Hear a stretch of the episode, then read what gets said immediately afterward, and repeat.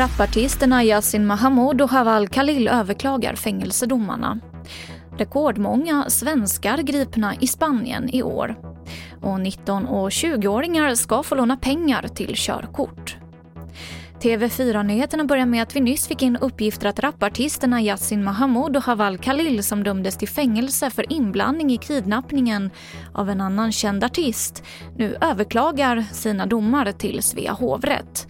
Haval Khalil dömdes till fängelse i två och ett halvt år för medhjälp till människorov och medhjälp till rån. Yasin Mahamoud dömdes till tio månaders fängelse för förberedelse till människorov. Och båda har nekat till brott. I år har rekordmånga svenskar gripits i Spanien och de väntar nu på att flyttas till Sverige. I en kartläggning som gjorts av spanska myndigheter så pekas 13 maffiagrupperingar på spanska solkusten ut. En av dem känd som Los Suecos. De senaste tre åren har svenska åklagare använt europeiska arresteringsorder vid flera tillfällen för att få personer misstänkta för brott i Sverige överförda från Spanien.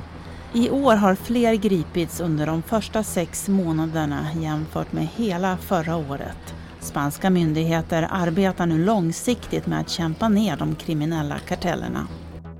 Och reporter här var Ritva Rönnberg. Så till de våldsamma skogsbränderna som fortsätter att härja i flera medelhavsländer.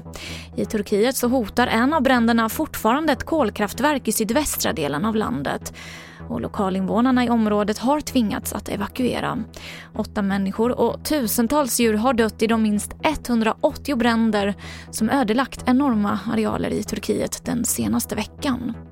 Och mer om detta finns på tv4.se. Och så till sist kan jag berätta att 19 och 20-åringar ska få möjligheten att få CSN-lån för att ta körkort. Det här meddelade infrastrukturminister Thomas Eneroth på en pressträff idag med regeringen. Enligt ministern så är det vanligaste skälet till att man inte tar körkort att man inte har råd. Och nu så ska man kunna få lån från och med den 1 december. Och det här var det senaste från TV4 Nyheterna. Jag heter Emily Olsson.